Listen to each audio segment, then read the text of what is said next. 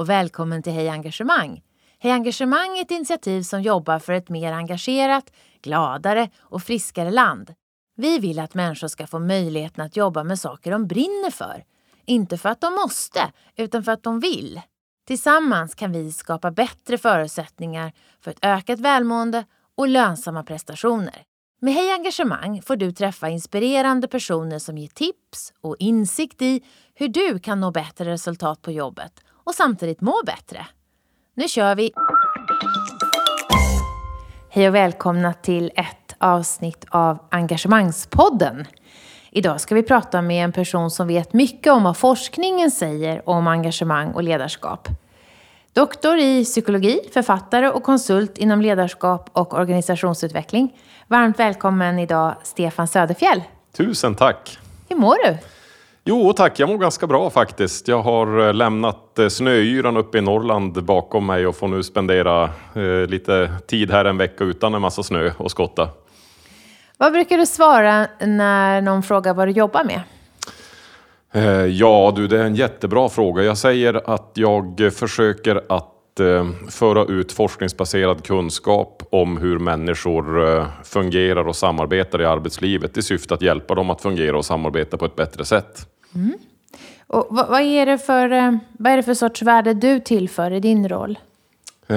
Jag tror att jag kan tillföra Eh, en, eh, ett värde i form av att den kunskap jag förmedlar och den information jag förmedlar eh, Eh, har utsatts för någon form av kvalitetssäkring. Det vill säga den har trycktestats eh, i det att den är granskad av eh, med den metodik som används av forskare och den är granskad av andra forskare. Så att det, det ska jag säga det är som mitt värde tillför. När du tittar ut, finns det mycket mycket evidensbaserade konsulter eller är det, är det, är det här en bristvara? Jag skulle säga att jag ser en ökning faktiskt, glädjande nog. Eh, en större medvetenhet, inte minst i offentliga organisationer så märker jag att man efterfrågar forskningsbaserade konsulttjänster i större utsträckning. Sen är det självklart så att det finns en hel del att jobba på. Det kommer alltid finnas konsulter som sprider metoder och teorier som inte har forskning i, i ryggen. Men, eh, men eh, jag tror att det viktigaste egentligen det är att upplysa konsumenterna av de här tjänsterna om hur de kan kvalitetssäkra och säkra att det de köper faktiskt har en, en forskningsbas. Mm. Du är en efterfrågad person. Vad är det du har blivit bra på att förstå? Jag tror att jag har blivit bra på att förstå hur ganska komplexa och ibland eh, svåra teorier kan eh, förklaras på ett eh, sätt som människor förstår som själva inte är forskare. Det är vad jag alltid har brunnit mest för och det är det jag tror att jag har bidragit i störst utsträckning till också. Eh, vilka, vad ska man säga, vilka frågeställningar brottas svenska arbetsplatser med våren 2019? Du har ju en ganska bra utblick. Eh, jag tycker att, eh, och det, det kanske låter som eh, en, en eh, skiva som har hakat upp sig, men det eh, man brottas med eh, stora utmaningar vad gäller att rekrytera kompetent personal.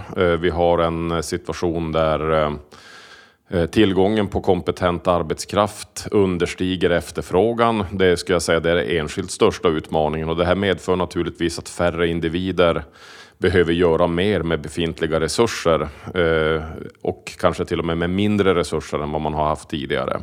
Vilket gör att eh, stressen ökar. Eh, För det är slimmat där ute? Det, det, är redan slimmat och jag tror att vi har slimmat så pass mycket under kanske decennier nu så att det finns inte så mycket mer att slimma utan jag tror att framtidens framgångsrika organisationer behöver förstå att det är inte genom att slimma ytterligare man kommer att röna framgång, utan det är att, att investera och utveckla i sin personal. Det här heter ju Engagemangspodden. Eh, när är du själv som mest engagerad på jobbet? Eller i jobbet? Eh, jag är som allra mest engagerad skulle jag säga eh, när jag mitt i författandet av en bok skulle jag nog säga att då hittar du mig som allra mest engagerad. Vad är det som händer med dig då?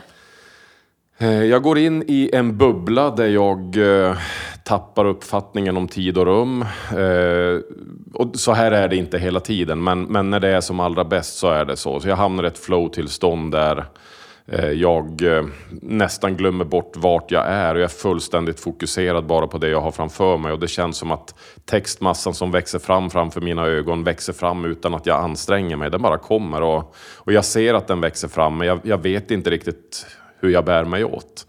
Eh, det skulle jag säga är när jag är som allra mest engagerad. Hur definierar vetenskapen det här med flow? För det är ju ett uttryck som är beforskat, eller hur? Absolut, det är ett, eh, ett eh, ganska vedertaget begrepp och det är när du utför en aktivitet med ett fullständigt fokus där du upplever att tid och rum tenderar att sluta existera och du är fullständigt uppslukad av det du håller på med för tillfället och din koncentration är till 100 procent riktad till den aktiviteten du utför för tillfället. Hur länge kan du vara i det tillståndet?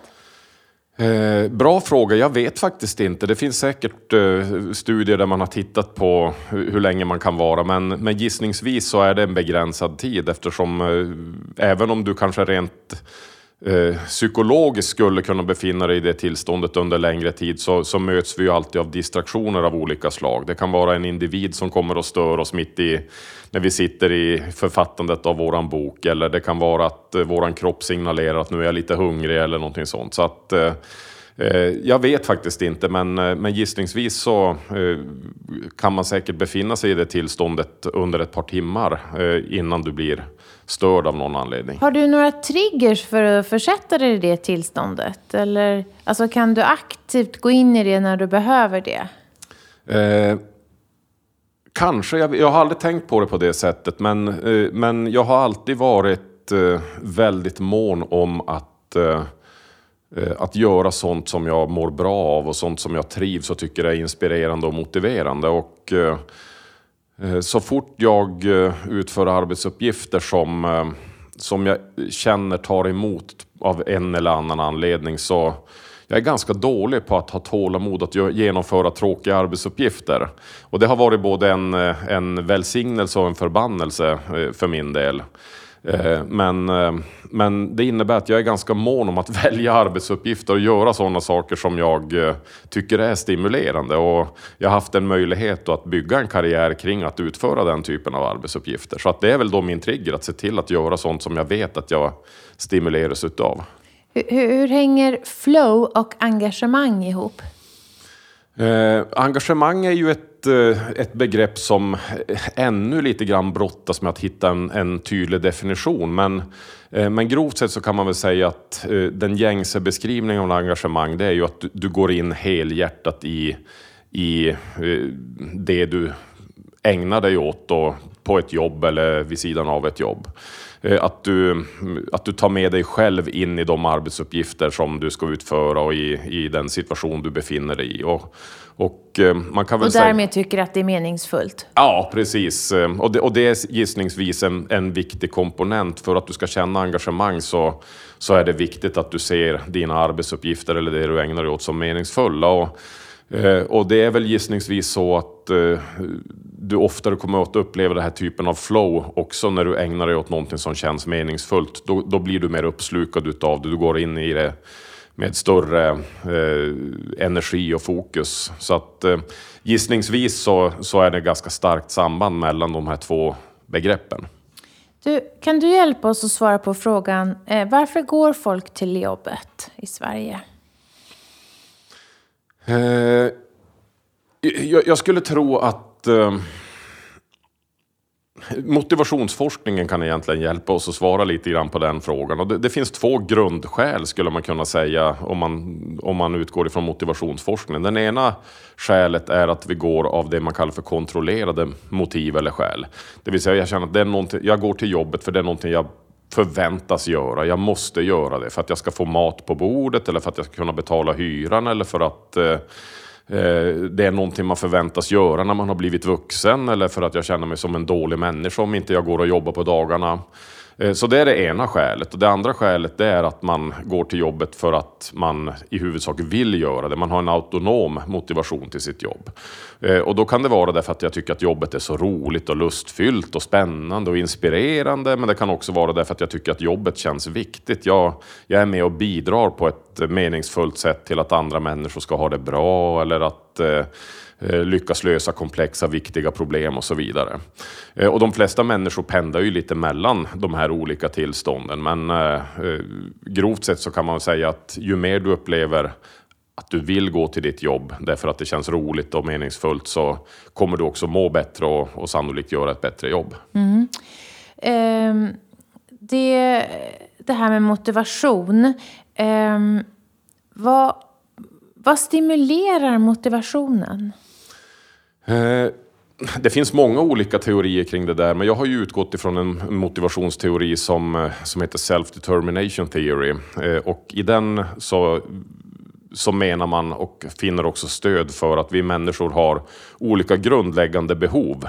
Som levande varelser så finns det vissa saker som vi behöver för att vi ska må bra och överleva över tid. Och, och då är det inte bara fysiska biologiska behov som att vi behöver äta och sova och Eh, och dricka och så vidare. Utan vi har också behov som tycks sitta innanför pannbenet på oss. Eh, och eh, man kan säga att vi, vi tycks vara i behov av att ge näring åt en viss typ av tankemönster. Eh, och eh, framförallt så verkar det vara tre typer av tankemönster som vi behöver ge näring åt. Den ena är att vi behöver ge näring åt tankemönstret att jag, eh, jag är duktig på det jag gör. Jag lär mig, jag behärskar, jag bemästrar, jag utvecklas. Jag växer som person. Precis, och mm. det, det, är ett kompetensbehov. Alltså att vi har ett behov av att kunna känna oss kompetent och att utveckla en känsla av att vi är kompetenta.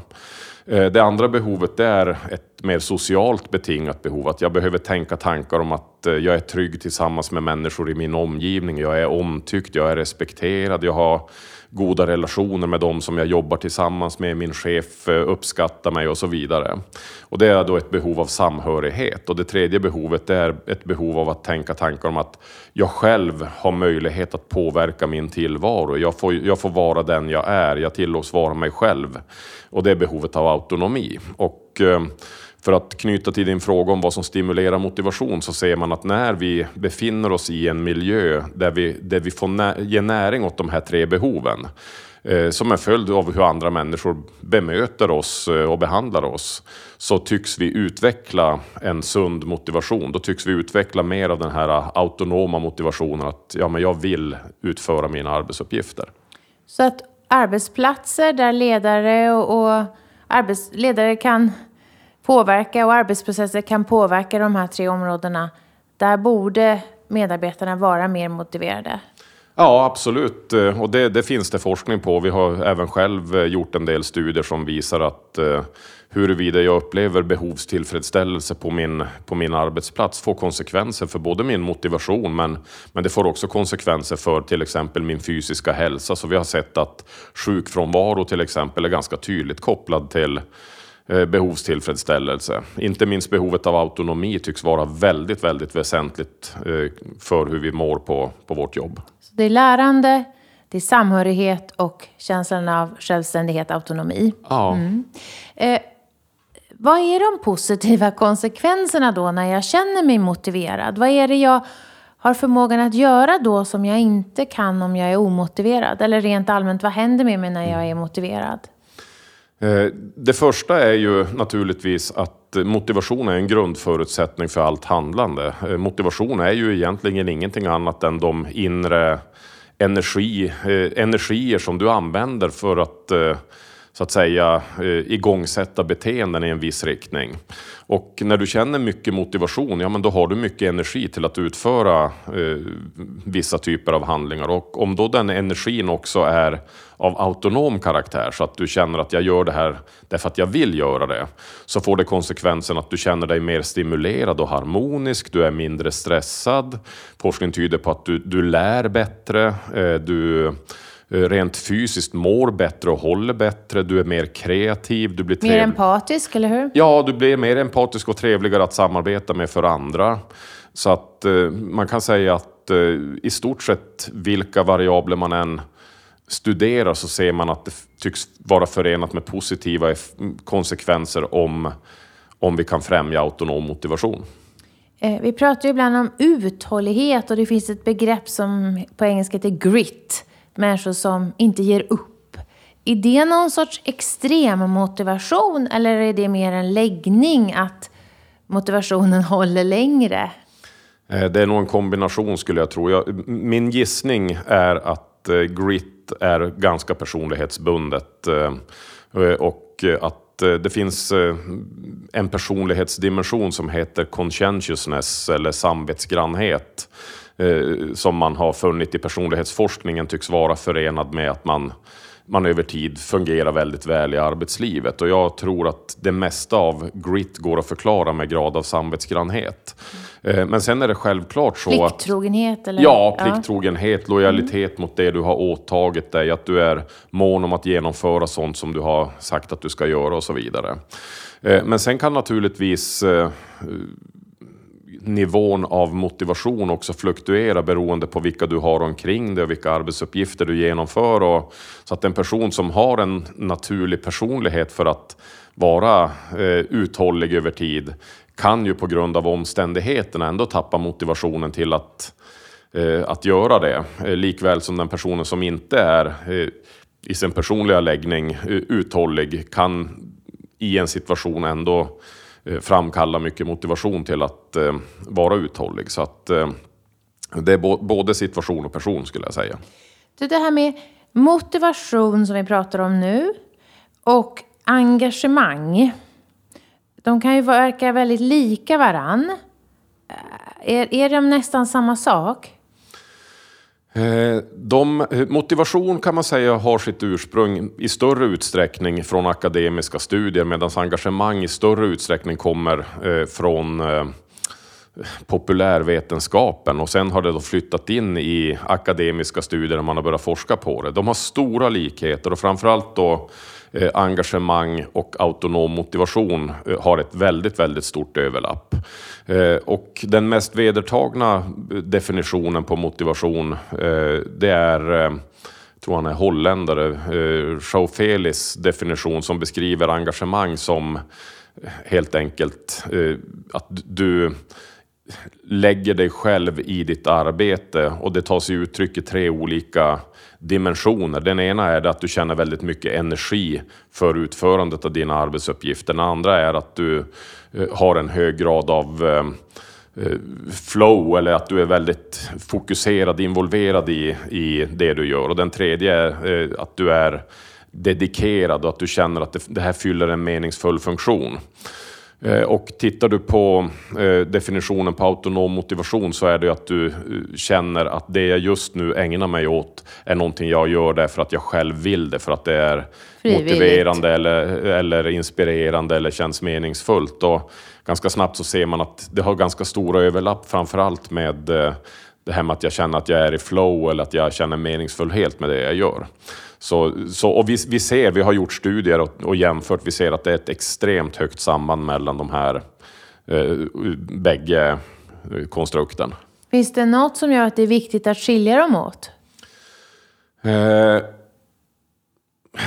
jag, jag, jag, tror jag låter framtiden utvisa om det, om det är så att det är meningsfullt att skilja dem åt. Jag skulle väl i sådana fall säga att motivation lite mer sån här och nu eh, upplevelse. Vad jag känner för det jag ägnar mig åt just här och nu. Medan engagemang mer är lite i allmänhet hur jag upplever och förhåller mig till, till min totala arbetssituation. Och, eh, eh, på det sättet kan det ju vara meningsfullt att skilja dem åt. Sen finns det en massa andra begrepp som man också tittar inom forskningen som också är snarlika. Du har något som kallas för job satisfaction, alltså arbetstillfredsställelse. Eh, som eh, också har ett stort överlapp. Och sen har du någonting som heter eh, commitment, alltså hur, hur pass hängiven jag känner mig min arbetsgivare, min arbetssituation, mina arbetsuppgifter. Och sen har du något som heter identification som har att göra med hur mycket jag ser mig själv i mitt arbete och så vidare.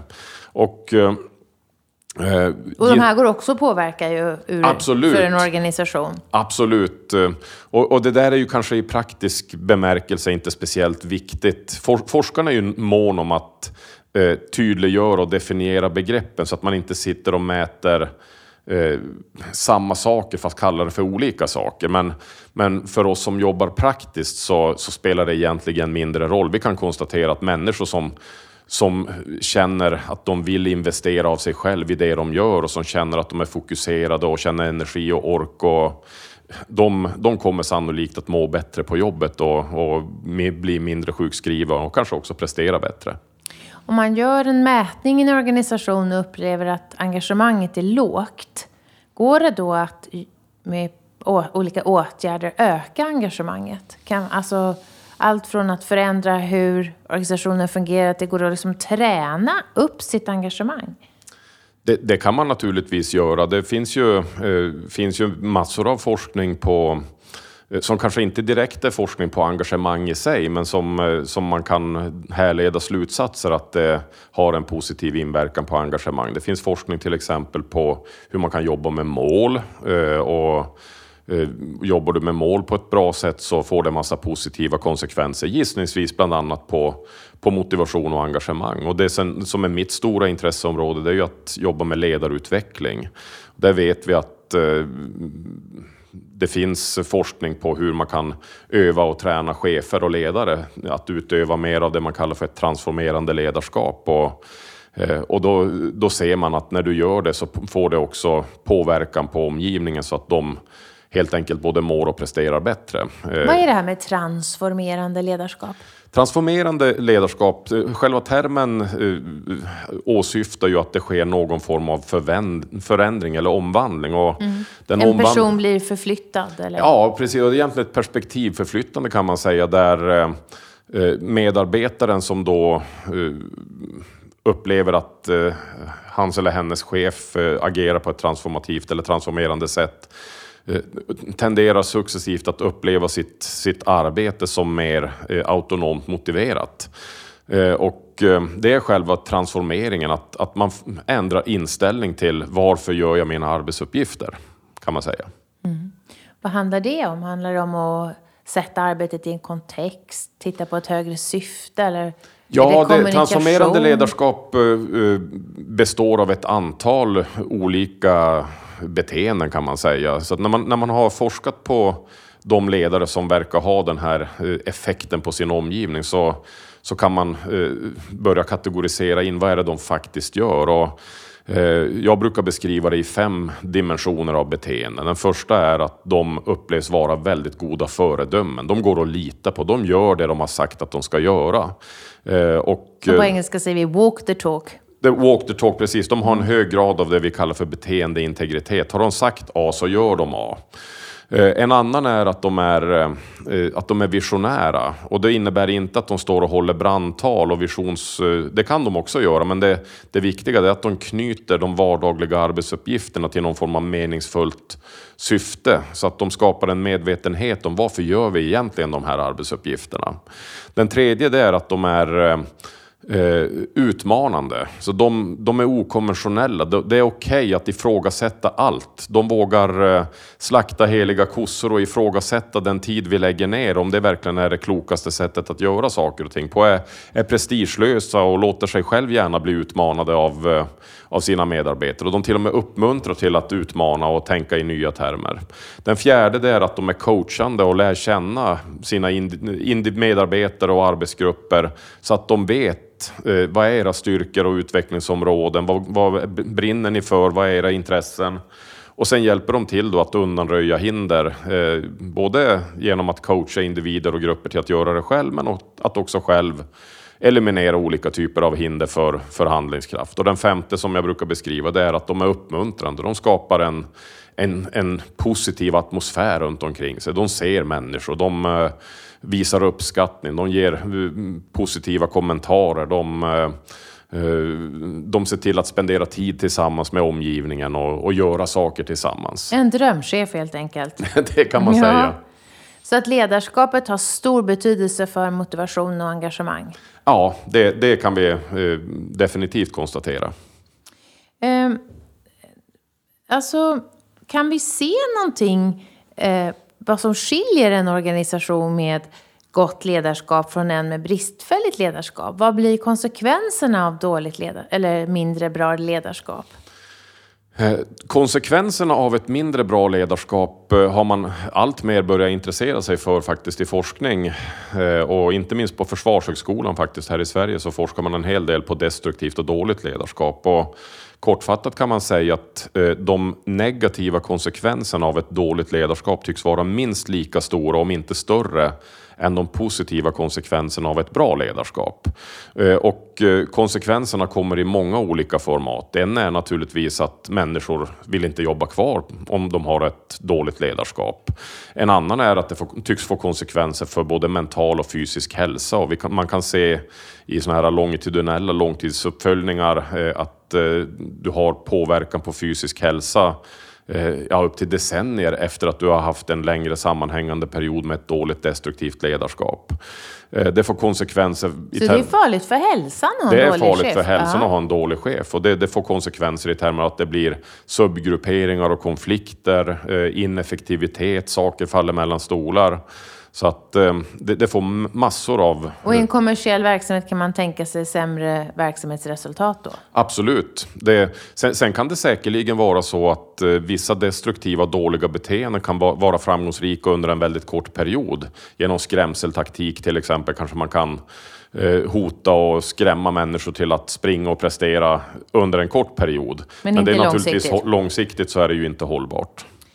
Um, hur, hur ska chefer få tillräckligt stöd i sin chefsroll för att utvecklas till goda ledare? Eh, dels naturligtvis finns det ju de formella eh, tillvägagångssätten, att man tar del av olika typer av ledarskapsprogram och ledarskapsutbildningar och de flesta större organisationer har ofta en struktur för det här. Eh, sen tror inte jag att det är kanske ens det enskilt bästa utan eh, det finns många olika metoder som man kan tillämpa. En är ju att du eh, bildar nätverk med andra chefer och, och tillsammans dryftar olika problemställningar som man ställs inför och, och hjälper varandra att byta, byta kunskap och erfarenheter.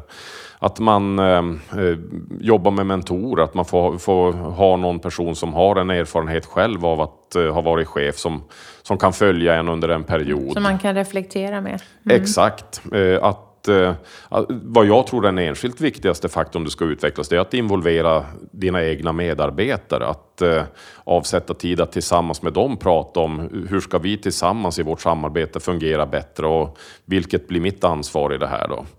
Eh, så att eh, det finns, eh, det finns en rad olika tillvägagångssätt. Men, men det man kan konstatera det är att den kanske enskilt viktigaste parametern det är att man vill utvecklas.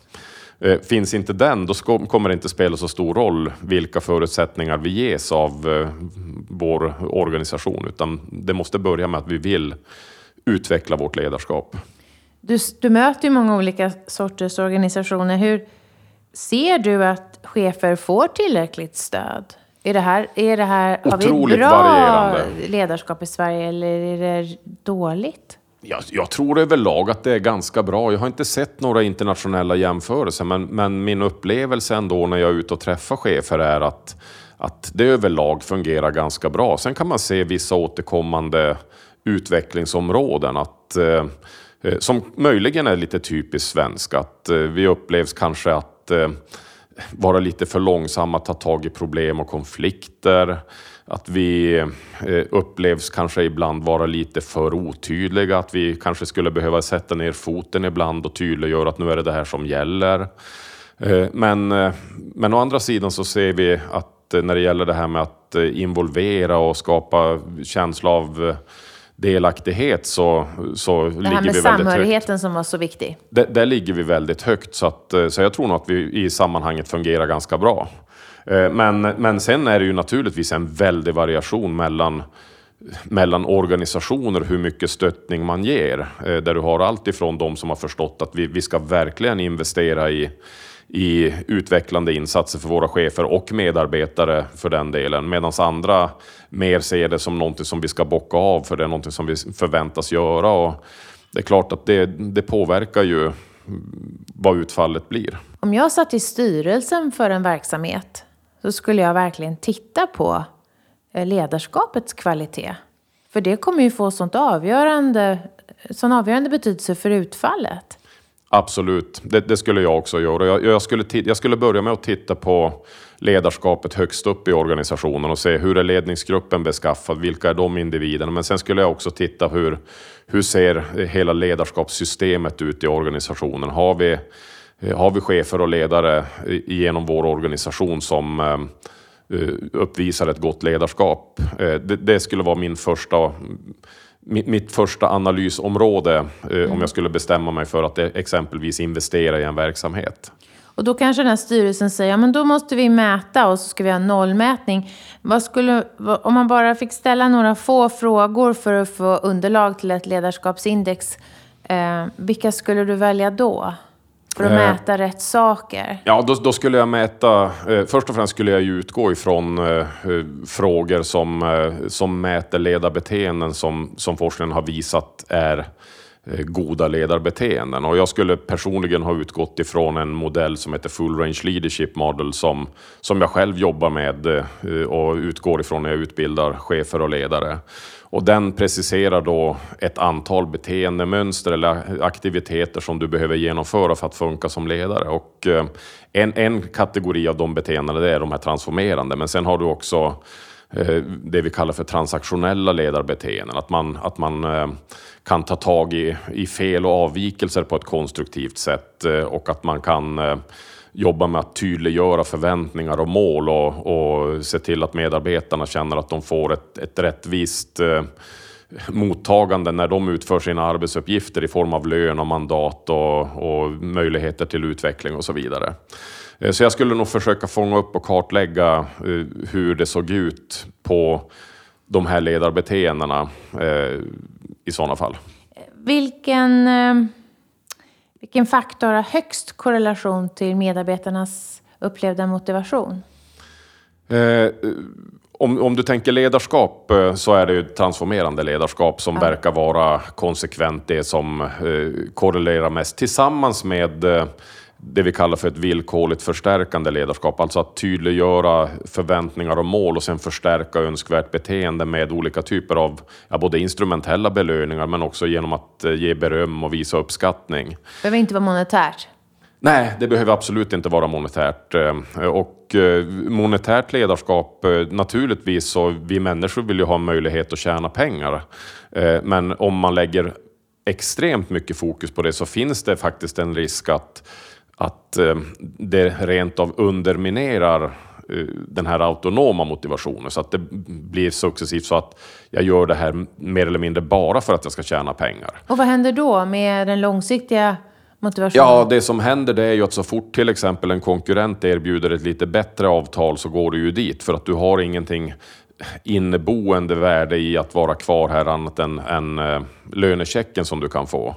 Så det är ju en konsekvens. Vad ser du för risker där ute i arbetslivet som kan kväva medarbetarnas engagemang? Administration, onödiga möten, eh, långsamma beslutsprocesser, eh, otydlighet, jätte, jättestor faktor skulle jag säga. Eh, bristfälligt ledarskap, men, men, men det bristfälliga ledarskapet eh, leder ju till otydlighet och det leder ju till sega beslutsprocesser och det leder ju till att vi sitter i onödiga möten. Så att, jag, jag skulle säga att det enskilt viktigaste det är nog att eh, men, när människor känner att jag får lägga tid och energi på sånt som inte känns direkt värdeskapande, det, det ska jag säga det är nog det mest förödande för engagemang. Mm. Det som, eh, som vi kallade att alltså det är icke meningsfullt. Ja, precis. Mm. Jag brukar kalla det för dumma saker. Alltså när vi lägger tid på sånt som kanske möjligen löser vissa typer av problem, men, men det hade varit egentligen mer vunnet om vi hade gjort någonting annat istället. Så att när vi sitter på ett möte i en arbetsgrupp till exempel, så samtidigt så sitter vi ju inte ute med kunder och löser deras problem. Eh, och vi är ofta ganska dåliga på att eh, ta hänsyn till att eh, vi faktiskt förlorar någonting, även om vi tycker oss vinna någonting på att göra vissa saker, så förlorar vi samtidigt någonting annat. Mm. Eh, och eh, om det är så att vi ägnar en massa energi åt saker och ting och jag börjar känna att fasen, jag har ju två kundärenden jag skulle kunna hantera och nu får jag sitta och lyssna på den här saken som jag hade kunnat läst om på, på nätet. Det tror jag är direkt förödande för, eh, för vårt eh, engagemang och vår motivation. Och när det börjar bli mycket sådana aktiviteter, när vi får sitta i långsamma IT-system, datorer som krånglar, eh, möten där stor del av tiden är meningslös information, eh, arbetsuppgifter som vi inte riktigt ser syftet med och så vidare. Så då, då tror jag att då är inte steget långt förrän vi har tappat eh, drivet. Jag tänker när du pratar om det här att eh, vi har ganska lång väg kvar att förstå liksom, det digifysiska. Idag finns det så mycket som finns både i en fysisk kanal på ett möte till exempel och i digital kanal. Så att mycket har du redan fått. Och vi har inte optimerat vårt arbetsliv så att vi ska hämta det bästa från de här två kommunikationssätten eller de här två källorna till kunskap. Verkligen, och många gånger blir det nog tårta på tårta. Vi, vi försöker att föra över information både digitalt och fysiskt. Eh, och jag tror många gånger hade varit bättre att bara göra det digitalt och välja de frågor där vi faktiskt behöver träffas fysiskt. Eh, då, då ska det vara frågor där vi verkligen bedömer att det här lämpar sig inte för en digital kommunikation. Självledarskap är ett modernt begrepp. Ehm, hur fungerar det? Självledarskap är ju eh, förmågan att eh, leda sitt eget eh, ja, styra sitt eget beteende, att sätta upp mål och, och göra planer och följa upp sitt eget beteende och att motivera sig själv och så vidare. Då känner man ju autonomi om det fungerar. Man skulle nog kunna tro att, eller säga att en person som känner mycket autonom motivation i större utsträckning kommer att uppvisa ett självledarskap. Eh, jag tycker att det är tveeggat svärd det här med självledarskap, för det har blivit ganska på modet och populärt. Men eh, jag ser också en risk att när man går ut och pratar självledarskap så märker jag i flertalet organisationer jag har varit ute i att chefer eh, som då är kanske van med ett mer traditionellt ledarskap där chefen lägger ut riktningen inte riktigt vet hur man ska förhålla sig till det här med självledarskap och då backar undan och, och likställer det med att då, då, ska inte jag vara där och uppvisa ett ledarskap som chef. Och vad händer då? Ja, då blir det ett låt gå-ledarskap och det är det kanske allra mest destruktiva ledarskap du kan uppvisa. Eh, och eh, forskning visar att om du ska få medarbetare som förmår att leda sig själva, så då kräver det ännu mer eh, formellt engagerat ledarskap, ännu mer transformerande ledarskap. Och, men, men jag ser exempel på hur det misstolkas, att självledarskapet kommer till uttryck att de formella cheferna börjar uppvisa ett låt gå-ledarskap istället. Eh, betyder den här trenden då att, att vissa tänker att då behöver vi inget formellt ledarskap eller traditionellt ledarskap? Ser du det? Eh, ja, jag, jag, jag, tycker mig kunna se att det, det kommer till uttryck på det sättet. Eh, att eh, i vissa organisationer jag har varit inblandad i att att eh, cheferna faktiskt eh, uppvisar lägre grad av formellt traditionellt ledarskap. Eh, antagligen delvis som en följd av att man har jobbat med det här med självledarskap och pratat om det här med självledarskap. Så man har inte riktigt förstått vad det är som leder fram till ett självledarskap, utan man tror att nu ska vi ha självledarskap och så tror man att då kommer det av sig självt. Men, men det gör det ju inte, utan det är ju något som kommer av att det formella ledarskapet lockar fram ledarskapet hos medarbetarna. Kan man vara chefslös organisation? Absolut, det, det kan man vara. Eh, och det, det, tror jag, inte minst i många mindre organisationer så, så har man liksom ingen formell chef. I konsultverksamheter till exempel, så som den jag själv ingår i, så, så är det ganska sällsynt att man har någon chef. Däremot så underlättar det ju ofta om det blir lite fler, att du har någon som har någon form av övergripande ansvar och kanske beslutsmandat i vissa frågor och som säkerställer att eh, vissa processer eh, finns på plats och så vidare. Så att, eh...